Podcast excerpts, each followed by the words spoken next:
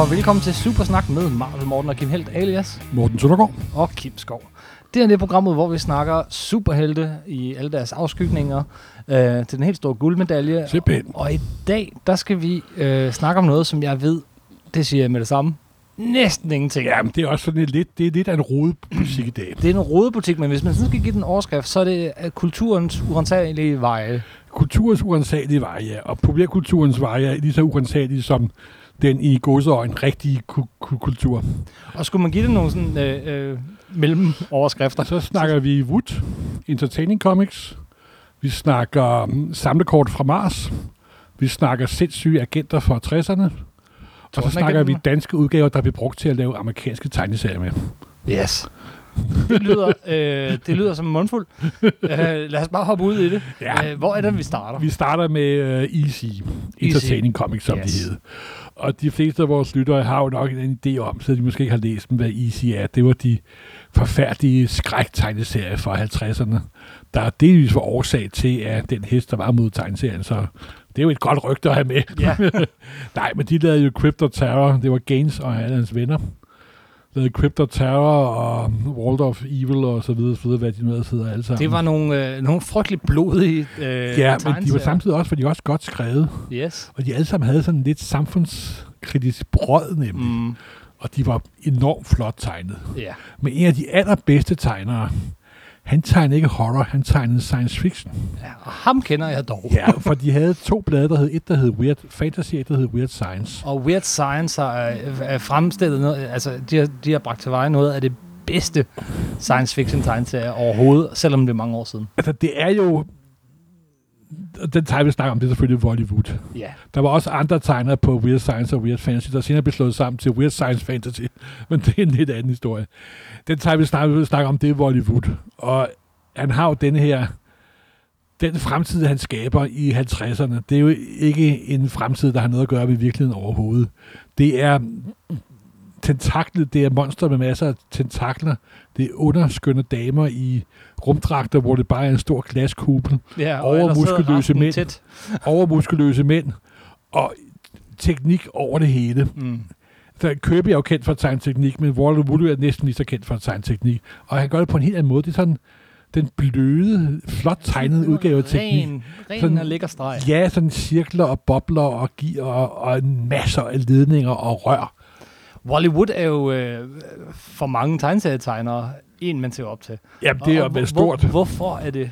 fordi for det første han tegnet Peter Grønner. Han var også skide god til at fortælle. Mm. Men fremtiden var det hans tegnestil. Den, der var ikke nogen andre, der bare kunne komme i nærheden af ham. Nej. Og han var især god til at tegne science fiction. Han prøvede også at tegne horror en gang imellem, men det var sgu så om, det ikke rigtig var... Det var det blev for... Altså, han, har sådan, han har jo det, man kalder en meget glat og pænt streg, ikke? Mm.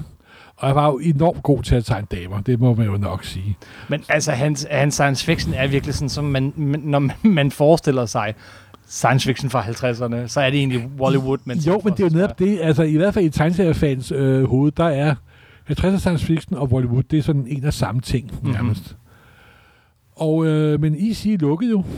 Det gjorde de. Øh, der, der, det er jo en lang historie med stor retssag Mm. og et øh, forgæves forsvar i retten. Og Ej, det var ikke retten, det var i, og alt ko- sådan det var i. Ja, undskyld. kongressen. I kongressen I kongressen, USA's kongres. kongreshøringer. Og, Kan du ikke lige fortælle den historie helt kort for dem, der ikke øh, kender den? Jo, men der kom jo en meget berømt bog, der hed Seduction of the Innocent, Mm-hmm.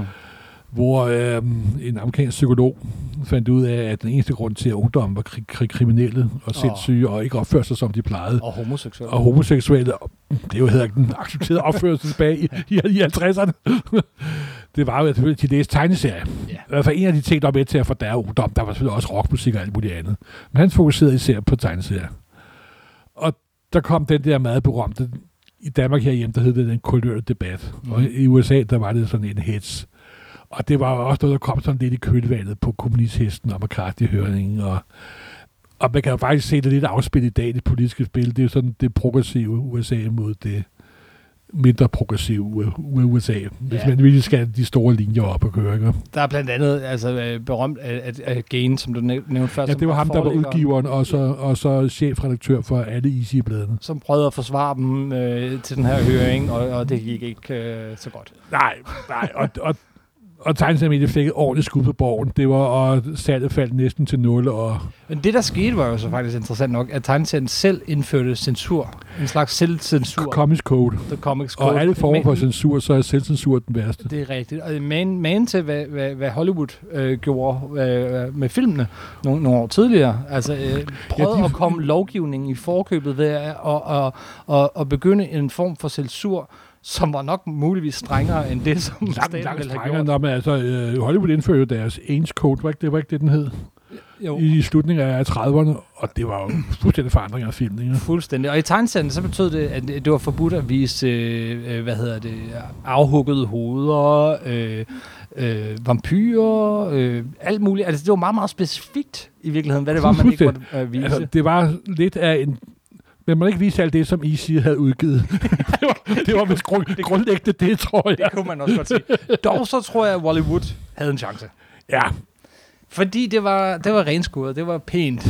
Og, øh, jo, men samtidig var øh, de science fiction historier, der blev lavet øh, i Weird Science Weird Fantasy, mange af dem var jo også dem, i dag vil kalde for samfundskritiske. Ja. kritiske. som alle gode science fiction, så øh, er det allegori langt hen ad vejen. Der er jo sådan en meget berømt historie, hvor nogle øh, rumfarende kommer til en anden planet, og de bliver fanget af lokalbefolkningen. En af dem bliver slået ihjel på en pinebænk, og så rejser de væk og kommer tilbage 2.000 år senere.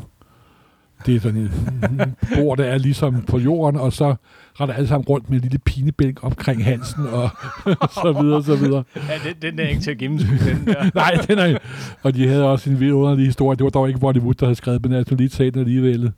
Hvor en rum, en, en, en, en ambassadør for jorden, der har hjælp på, men ser ikke ved, hvem han er. Mm.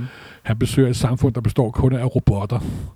Så finder han ud af, at samfundet er delt op i A og B og C-robotter, og C-robotter laver alt arbejdet, og B-robotter får lov til at lave lidt, og A-robotter nyder det hele, og C-robotter lugter, og D-robotter ikke. Så, og så, så fortæller han, at robotter nu må I til at tage lidt sammen, og så rejser han bort og tager hjelmen med, og så er selvfølgelig en sort mand nedenunder. det, er også en, fan- det er selvfølgelig, i dag vil det jo forekomme for en lidt banale historie.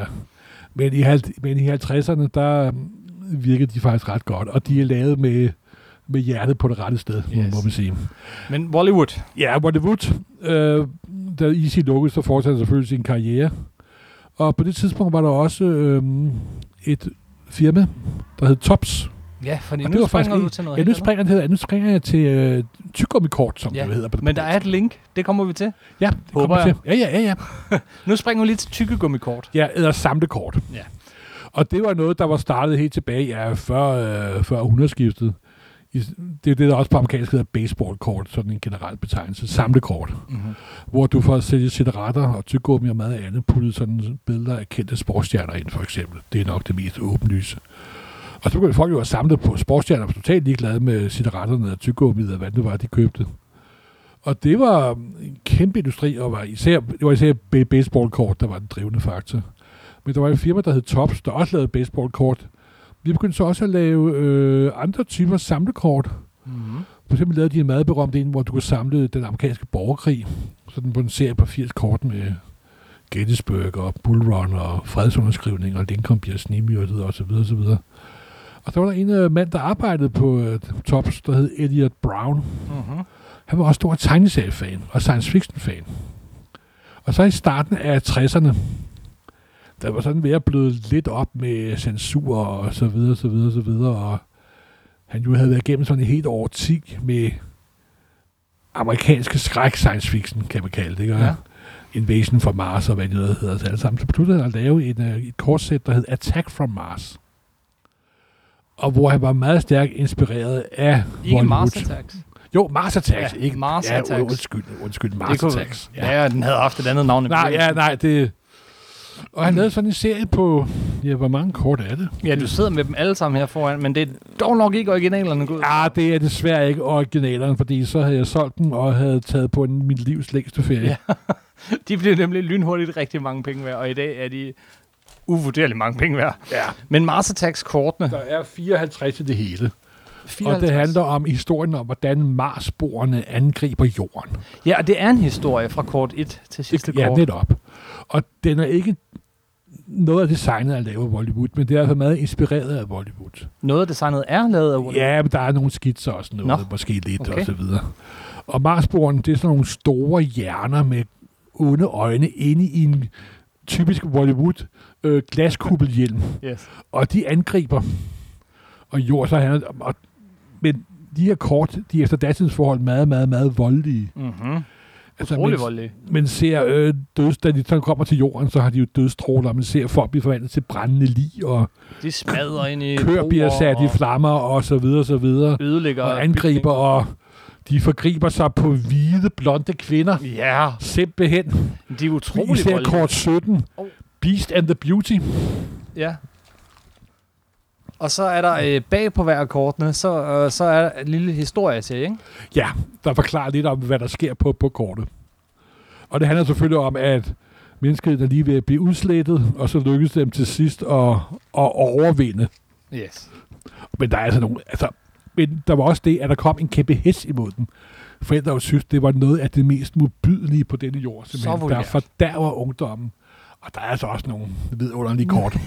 I burde øh, tage og slå dem op på, på nettet. Ja, gør det. Og Det- de er selvfølgelig alle, alle, alle sammen på nettet. Men fantastiske tegninger. Øh, Ja, og øh, ja, hvor, hvorfor... Øh, eller, inden vi hopper videre, så bliver man nok lige nødt til at nævne... Øh, altså, jeg tror, de fleste i dag, de, de vil kende Mars Attacks fra filmen, som kom nogle år senere. En hel del år senere. Den kom op i 90'erne en gang. det var Øh, Tim Burton, og Tim han, Burton, og han, han, han eftergjorde virkelig designet mange af de her kort. Altså, Tim Burtons film Mars Attacks er et fuldstændig nærmest gengivelse af de her 56 kort. Ja.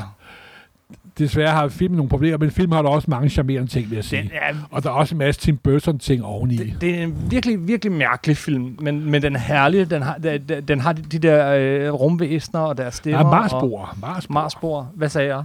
Du sagde rumvæsener. Nå ja, Marsboer så. Det er selvfølgelig grundlæggende det samme, men... Men altså, for kan det en film med Jack Nicholson, Glenn Close, Annette Bening, Pierce Brosnan, Dan DeVito og en, og en ung uh, Natalie Portman. og, Øh, og, og Tom Jones er med. og Tom Jones, ikke at forglemme. Ham mindes jeg ikke at have set de kort der. Nej, det er selvfølgelig også en Tim Burton-film, men det er lavet af Tim Burtons øh, simpelthen fandom og glæde ved de her Mars attack Ja. Og de er, i dag vil man nok, det man vil kalde kitsch. Og dengang de blev lavet, er de også lidt smule kitsch. Aha. For de laver også krig med genren. De er så totally over the top. Ja. Og det var lavet af Tops. Jeg ved ikke, om det var en lille spøg, han havde med sig selv, ham der Elliot Brown, der var produ- producent på dem. Men øh, problemet var, at de faktisk blev forbudt mange steder, og forhandlerne ikke, ikke sælge dem, og så videre. Så, ja, ja, ja, ja, du fred vel. De, de solgte ikke særlig godt, Så går man jo bare endnu mere op og, og de blev trukket tilbage. Og de er gået hen og blevet nogle af de kort, der er mest efterspurgte af alle. Og det sjove ved samleri er, når nu, nu vi er ved det, det er jo, samlere er jo sådan grænse-OCD-agtige. Jeg ved ikke, hvad du snakker om. Nej. og øhm, en, øh, et, et almindeligt kort koster selvfølgelig mange penge, men en uåbnet pakke, Mm. Den koster mange, mange, mange, mange penge. Og det aller, aller heldigste gral at finde af det, det er en uåbnet æske direkte fra forhandleren. Det tror jeg ikke nogen, der har overhovedet. der kan du simpelthen skrive din egen check simpelthen. Ja. Ja, men øh, Nej, men det var um, ham, der hed Elliot Brown så. ja, hvad med ham? Han på et tidspunkt senere i 60'erne fik han også lyst til at gå ind i tegneseriebranchen. Altså manden bag Mars-kortene. Ja, her. Han, og som der kendte Wo- Hollywood. yes. Han, og vi kommer vi frem til sags, sag, sag, sag, sagens kerne. Nu begynder vi at snakke. yes. Han, kom jo, han begyndte jo også at interessere sig lidt for tegneserier, fordi op gennem 60'erne, som vi jo ved, så kom Marvel i gang. Ja. Tegneserier satte sted, og kom masse mulige små forlag frem. Og det var selvfølgelig Marvel, skråstrej DC, der dominerede 60'erne. Hmm. Men der var altså også andre forlag, som vi jo også kommer ind på en gang imellem. Gold Key for eksempel. Ja. Men der var også, og Dell lavede også ting. Og så besluttede Al Brown, at måske skulle vi prøve at lave en sammenblanding af, hvad der var populært i tiden. Jeg vidste, at superhelte var populært. Men der var også en anden genre, der også var ved at blive populær i 60'erne, især på film. Agenterne. Det er selvfølgelig agenterne. Ja. Og hovedpopulariteten var selvfølgelig fokuseret på James Bond. Mm-hmm. Ian Flemings øh, berømte figur fra 50'erne, skrevet i koldkrigs Englands Mhm. tiden. Men så da han kom ind i 60'erne, så blev han jo godt sige sådan moderniseret lidt i hvert fald, ikke også? Lidt mere flamboyant. Fordi og som alle ved, som der har læst James Bond-bøgerne og har set filmene, Der er så så- forskel. så er der jo en vis forskel. Ja. Og øhm, det var jo selvfølgelig Sean Connery, der havde gjort figuren populær. Han var ikke den første, der spillede James Bond, men det er en helt anden historie. Det er en helt anden historie. Vi kan godt tage Ja. ja. James Bond-afsnit Ja, engang. det er Øh, åh men- gud, så, ja, så det ved jeg så lidt op, så jeg Uh, bare ja. får alt for mange klager. Det- men, Nej, men, men, men- men, han, han ser, at der Det er kom en agent crazy i gang. Der er en agent Og den blev også afspillet i tv. Der Ja. kom den, der hedder The Man from Uncle. Mm, meget berømt til Ja, og øh, James Bond kæmper jo mod Spectra. Mm. SP. Punktum. I hele skal bekæmpe de mod organisationer, der havde der hed en masse bogstaver med punktummer Yes. Akronymer, det er så man Akronymer simpelthen, Så så, som det også hedder. Og der kom jo også Agent Smart. Ja, SMART. Ja, ja. Og, og, Og så, øh, som var- Marble. hvem var, nu hopper du lige for hurtigt. Hvem var Agent Smart? Han var en parodi Åh, oh, okay. på, øh, på, på Man from Uncle og, øh, og øh, hvad hedder det, James Bond i almindelighed.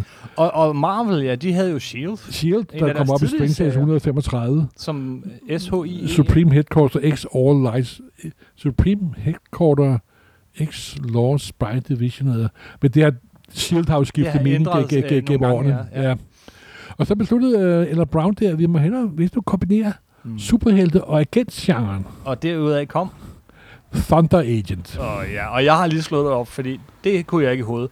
The, the Higher? er simpelthen et... Uh, Ja, The. the. okay. nogle gange skal man kæmpe lidt for akronymerne til at virke. Akronymerne til at virke. Ja. The Higher United Nations Defense Enforcement Reserves. Ja, Eller på dansk, Tordenagenterne. Tordenagenterne, for Og de jeg kom også på dansk. De kom nemlig også på dansk. Der kom faktisk 15 numre på dansk, men det vender vi lidt tilbage til Og det er senere. faktisk noget, der har været efterspurgt nogle gange øh, af Supersnak-lytter, at vi skulle snakke om Tordenagenterne. Okay, det var jeg slet klar over. Jeg har hele tiden været sådan, det ved jeg ikke skid om. Jeg ved stadig ikke skid om det, men Morten belærer mig. Ja, men hovedmanden bag det var Edward Brown.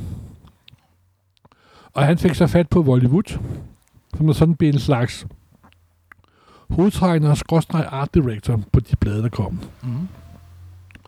Og så begyndte de at udgive uh, Tornagenter, og første nummer handlede om, at de forenede nationers, øh, de prøvede på at redde en kendt videnskabsmand, der havde isoleret sig og begyndt at fabrikere mærkelige ting for at redde med, med menneskeheden.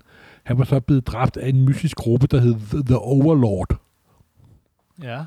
Og det, det er sådan en lille historie, som hele, som hele serien starter med på en 5-6 sider, øh, tegnet af Bollywood og skrevet af øh, Edward Brown. Og øhm, det, de videnskabsmænd er blevet dræbt, men det lykkedes ham at finde nogle af de ting, som han havde fået lavet. Og der var blandt andet et bælte, man kunne tage på, så man får ekstra kræfter. Der er en kappe, der kan gøre en ud, usynlig. Og der er en hjelm, man kan tage på, der giver en mentale egenskaber. Og en del af andre ting. Det vil sige, der var hele tiden en stor boks, man kunne gå tilbage til at skabe nye superhelte af. Ja, ja, det er meget smart. Men i det første nummer, der bliver, i det første nummer, Tornagen har introduceret tre meget vigtige fi- fi- figurer. Øh, Dynamo, som der hed Edward, Edward Brown, de opkaldte han efter ham, der havde været med til at baggrundsmand med det hele. Øhm, han er sådan en, der arbejder på Forenede Nationer, og der sker ikke en skid, og hvorfor sker der ikke noget? Og så finder de ud af, at han er jo perfekt fysisk form, og bliver, kommer sådan en slags udvalg. Og det er meget sjovt. Det er lidt ligesom... Øhm, om, jeg kan faktisk ikke huske, om S.H.I.E.L.D. kom før Tordagen, og Tordagen kom før S.H.I.E.L.D. Jeg slår, men der er mange, mange lige tidspunkter. Fra 65. Øh, øh, øh, Jo, men Thunder det- Agents er fra 65. Ja, men det, så er det nok den, der kom først. Det er også lige meget. Men, nå jo, men det er også mange idéer, der bliver også brugt i filmen. Men sådan var regeringen, organisationer, og her var de forenede nationer, Mm. der var baggrunden til det hele. Også sådan lidt i 60'erne, fordi der havde den i forenede nationer sådan en positivt klang i, i be- befolkningen, Ja. som den jo øh, senere har, har, har, har mistet lidt. Mm-hmm. Og hvad, hvad, hvad var det? at Dynamo, han har det her bælte, kraftbærende på, tænder for en kontakt, og kommer en kæmpe eksplosion, sådan lidt af der shasham nærmest.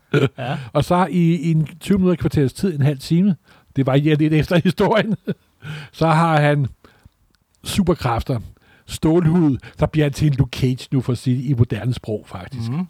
Og så løber han tør for batteri, og så falder han be- besvimet om. En, en skide god idé faktisk, Ja. hvor du i selve Supermans kræfter indbygger de svagheder, han har med det samme. Mm-hmm. Og han blev selvfølgelig sat til at bekæmpe den her underorganisation, der hed The Overlord. Der var sådan den der mystisk maskerede mand, der prøver at overtage verdens herredømme. Som der er jo i alle superheltefilm. Mm-hmm. Og sammen, der havde dræbt det berømte videnskabsmand. Så var der også en ældre videnskabsmand, der havde prompteret sådan en slags androidekrop, som han fører sin bevidsthed over i. det var Nomad. Nomad. Og, og det, er også, og det var, den historie var tegnet en, der hed Roy Crandall. Også en gammel easy-tegner, og uendelig flot, flot tegnet. Mm-hmm. Og ser sådan helt i gamle rullestol begyndte sådan en hjerneskansrum for sådan de svældige kubler på hovedet. Så overfører han sin bevidsthed til den her androidekrop, og så dør hans gamle krop. Og så får han en usynlighedskap. Mm-hmm. Så ikke alene er han en nomad, man ikke kan se, men han er også et ikke-menneske. Ja, ja, ja. Det Simpelthen. er smart, det der. og den tredje ting, øh, der, det jeg fandt der, det var det der, den her hjelm. Og der er historien, der er tegnet af Gene Kane. Det, der også var karakteristisk ved de her, ved første nummer Sortenagenter, at det var toptalent. Ja, det lyder Det var, øh, det var Gene Kane, og det var Ray Crandall, det var Bollywood. Virkelig, virkelig gode tegnere. Der tegnede noget, der ikke var en del af DC, ikke var en del af Marvel, og det var sådan set også ret befriende for dem, tror jeg. Mentor er sådan en ond agent, der er styret af Overlord, der skal bryde ind i tordenagenterne. Han bliver udvalgt til at være med med mentor. De ved ikke, hvad hjelmen gør, men da han tager hjelmen på, så bliver han forvandlet til et ondt, til et godt menneske. Når han hjelmen på, så er han god. Ja. Og så begynder han at kæmpe mod Overlord, så tager han hjelm med, og så, hvad, hvad skete der, og så videre. Et, også en meget sjov lille historie. Og, de, og det handlede først nummer om, hvordan er de så, der er en hovedhistorie med, hvor de kæmper mod selve Overlord, og så er der et par baggrundshistorier bag i, der beskriver, hvordan de er opstået. Det sjove ved hæftet var også, at selve trykkekvaliteten, og for eksempel hvis du ser forsiden i original, øh, farverne var betydeligt bedre, end de plejede at være på den. Det var, produktionsstandarden var simpelthen højere. Mm-hmm. Og det skyldes dels, at han kom fra øh, samlekortindustrien. Hvor han har været til Ja, tophøj simpelthen netop. Og øh, jeg har, øh, jeg har desværre ikke mindre af mine venner har original i super flot stand. Og det har nærmest sådan et slags øh, nutidig glans over sig, Ja. ja. med farverne og så videre. Utrolig flot plot pro- produceret. Med vores øjne er historierne det, man kalde lidt naive, men de er super flot tegnet. Mm-hmm.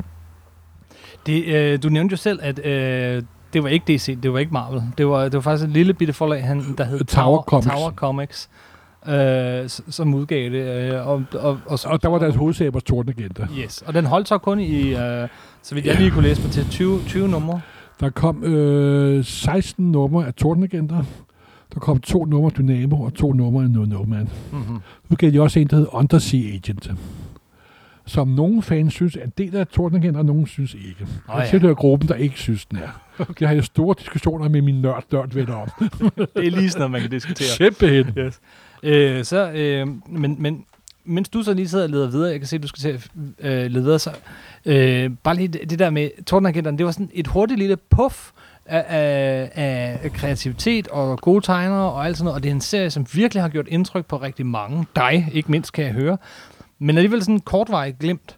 Øh, hvor at, men dens indflydelse og, og sådan øh, trangen til at vende tilbage til de her, den har, den har været igen mange steder. Der er så mange, der er næsten ikke det forlag, der er ikke på et eller andet tidspunkt har haft rettighederne Nej, til dem. det er senere, da de gik ind jo. Jeg vil lige sige, lige inden vi går videre, at øhm, de Tordenagenter, der kom jo 15 numre på, på dansk, Nå ja, også, også, også i 60'erne. Ja. Og da jeg læste dem, det ved jeg godt, at jeg bliver noget nostalgisk igen, det be- beklager jeg meget. Og dengang, der var ikke noget internet, det har jeg også hørt masser af gange, og bla bla bla bla, og vi måtte vente tre år, tre år på alt, og beklager, jeg hørte den samme skrøn i tiden. Men det var et af de gange, hvor det gik op for mig, at der var, sådan, var forskellige tegnere, Ja. fordi de brugte Bollywood, øh, Bob Brown, Mark Sikowski, Steven Ditko har lavet ting for dem. Mm-hmm. Ray Crandall. Og det var simpelthen, man kunne, og det var, se, nå, gud, det den tegner, er helt anderledes den anden tegner, og det er jo nok ham. Og, Ja, for dem du nævner der, det er alle sammen nogen, der er sindssygt dygtige, men også har hver sin stil. Ja, altså, der er ikke noget husstil her. nej, det og er, det var, og det, og det var utroligt, altså, det var virkelig velproduceret. Så gik der et, øh, historierne, det viser, at de der overlords var sådan en underjordisk race, eller Modeman. Mm-hmm. der var ude på at overtage jorden, og der dukkede også andre trusler op. Der var også, de havde også sådan en assisteret sådan agentgruppe med diverse den sprængstofeksperten og lederen og den smukke og den dumme og den hurtige og, Mhm. og en af dem blev så senere til en flash-udgave og så videre. Der dukkede også, også op en, der kunne flyve, som der hed Ravnen på et tidspunkt. Men jeg må jo selvom jeg er fan af dem, så historierne, de degenererede meget, meget hurtigt. Ja. Det var sådan nogle små, korte historier på en 8-9 tider. Og, Og på- der, på en, på en 10, 10, 10 sider, der var afsluttet nærmest. Der var sådan lidt kronologi imellem det, men ikke særlig meget. Altså, og de fleste var selvfølgelig dem, som Hollywood havde tegnet, og det var sådan primært Dynamo-historierne. Og den bedste skurk, han var op imod, det var selvfølgelig The Iron Maiden. Jernjomfruen, ikke også? Hollywood tegnede jo en dame i et kostyme, men på en eller anden måde, så kostyme, det sad utroligt tæt og hun var selvfølgelig forelsket i Edward Brown, og så videre, så videre. Det var rent sæbeopera for små 10-årige drenge, det kan, kan, jeg, kan jeg godt love dig. Ak, ja, og der var selvfølgelig også den røde far, der dukkede op, og så videre, og så videre. En kinesisk superhelt med en stor rød stjerne på kroppen, der også kæmpede mod Dynamo, og jeg tror, han hed, der kom, der var også op en, der hed Red Star, så vidt jeg husker. Men altså, de var så pisseflot tegnet. simpelthen. Det, det tror jeg er ved at gå op for ja, os. Netop. Det er ved at gå op for os. Ja, Det var beklager. flot tegnet. Be- Beklager. Ja. Og det er derfor, det er derfor øh, Supersnak-lytter, øh, nogle få, øh, har bedt om det. Det er derfor, du vender tilbage til det her. Jamen, det er også fordi, der kom faktisk, altså, de 15 numre, der kom på dansk, de indeholdt jo ikke alt, hvad der blev produceret, Men næsten. men alt det gode. fordi de sidste 5-6 hæfter af Tortagenterne, der kom 16 hæfter, der hed Tortagenter, og så kom der to, hvor Dynamo var på, og så to med Nomad. Og de to numre Dynamo, de to forsider, Mm. det er nogle af de flotteste forsider, Hollywood nogensinde har tegnet simpelthen. Og gå ind og tjek dem på nettet. De er, de er, det er rent rendyrket Hollywood. Der findes sådan en meget berømt fotografi af Hollywood på sine ældre dage, hvor han er plaget af alkoholisme og mange andre Ja, sygdomme. han, han, hele hans historie er ganske Og frygtelig. ja, det, vi, går, vi tror også, vi skal lave en helt episode om Hollywood på, på et det andet tids, tidspunkt. Men der sidder han på sådan et meget nødtoftigt lille seng og skriver på en skrivemaskine. Ryger drink ved siden af, og ja, han har det ikke særlig godt. Og på bagsiden, den eneste, den eneste udsmykning, der er på væggen, det er nogle knive, der hænger, og så forsiden til Dynamo nummer to, simpelthen. Hvis vi, hvis vi husker det, så kommer vi uh, det billede ned i artiklen. Ja, det skulle vi næsten, nummer9.dk. næsten til at gøre. Der er jo altid inde på nummer9.dk, er der altid en lille artikel til de her podcasts. Ja, jeg bliver tvunget til at skrive artiklerne. Det, og Kim er altid efter mig. Morten, hvornår er artiklen færdig? Og jeg, øh, øh, jeg troede, det først var i går, så... Øh, Ja, Morten. Kim har overtaget Michael Nielsens rolle. simpelthen. altså. Nej, det var et meget personligt sidespring, og det holder vi helt Nu hopper vi lige ud af det her. Bare lige tilbage til, at, at det er ikke kun dig, den her serie, den er så utrolig populær for, øh, at, at den betyder så meget for. Øh, jeg kan jo godt se, at den er skideflot tegnet. Jeg har bare ikke læst den på det rigtige tidspunkt. Nej, det har Men- ikke, og du skal da være med at læse listen nu. Den har virkelig sat sig fast, øh, brændt sig fast på nettet i mange. Og det var også derfor, at rettighederne fløj rundt i mange år. Helt op i 80'erne. Øh, nu nævner jeg bare lige det her fra Wikipedia, så undskyld. Men i, JC Comics havde serien i 81, så J.L. Minner og Son havde den i 1980, Texas havde den i 83, Deluxe Comics havde den i 84, Salon Comics havde den i 87, og i 90'erne Rob Liefeld. Ja. Og ingen af de her ting blev til noget. Nej, og jeg vil lige sige, at jeg har nogle af dem, fordi jeg er jo lidt fanatisk med serien. Men jeg har ikke dem alle sammen. Nej, den, der er jo har, nogle af dem, var, har, var den, George kom- P- Perez ind over. Nej, det er nemlig først senere. Jamen, jamen, jamen, også i de tidlige, der kom Perez lidt ind over. Okay. Men nogle af dem, men de er langt under stand- standard. Yes. Men så, Så i 2000'erne, øh, relativt ny tid, ja, købte, øh, eller fik øh, Øh, de- de- DC. DC Comics. Øh, og, øh, og de lavede faktisk, ja, altså de havde den i særlig, ikke i særlig lang tid, men de lavede en afsluttet serie. Og de som- fik Frank Quietly til at lave forsider. Ja, det var nok ham, ham, ham der, havde, der havde skrevet ind i. Nej, forsider. Der havde ikke, ikke tegnet ind i. Men øh, det var skrevet af Nick Spencer. En, en, en der hed Nick, yes. Nick, Nick Spencer. Som jo heller ikke er en dårlig... Og han øh, gjorde det eneste korrekte at gøre, det var, at han fortsatte fra, hvor de gamle tordenagenter sluttede. Han fortsætter simpelthen bare fra, hvor den Ja. Men ikke alle de andre forsøg på at lave den. Mm-hmm. Og den eneste figur, der stadig er live for den gamle gruppe, det er selvfølgelig Nomad. Han er udødelig androide. Fordi et af også de egenskaber, som Nomad kunne, det var, at han kunne overføre sin krop, sin bevidsthed fra en androidekrop til en anden. Så hele tiden kunne få en ny krop. Ja, ja, ja. Og det er især Steve Ditko har skrevet, det er tegnet ganske vidunderligt. Det er sådan en kugle af bevidsthed, der hopper fra den ene krop til, til den anden. Nu sidder jeg lige og bladrer i den. Det ser skide interessant ud. Det er, jamen ved du hvad, det, Virkelig det var det, jeg ville komme, komme ind på nemlig. Ja. At alle de andre forsøg på at lave øh, tordenagenter, også efter at DC-serien gik ind, Mm-hmm. her det sidste forsøg, der stoppede her for et års tid siden, de er ikke særlig gode. Men DC's miniserie, som Nick Spencer har skrevet, den er virkelig god, fordi den tager et meget mørkt syn på det. Det er virkelig sådan, den mørke side af tordenagenterne Ja. og agentlivet i hele taget. Og den er virkelig, virkelig god, og den kan varmt an- anbefales. Det vil jeg da læse. Ja. Hvor mange kom der? Øh, det er det hele. Det er samlet i et, i et bind. Der kom et bind. Simpelthen. Og så nu her for, ja, øh, på det sidste, så har IDW så overtaget rettighederne til dem. Ja, altså da DC havde ret rettigheder, nu kommer vi også lige på en meget sjov lille historie, der har noget at gøre med dansk fandom, og hvordan de reddede amerikanske serier. Ja, lad os høre. Øh, DC, da de fik rettighederne, så gen, skulle de også genudgive de gamle i deres archive-serie. Og nogle af vores øh, lytter vil vide, at det er sådan nogle hardcover udgaver af optryk af gamle serier.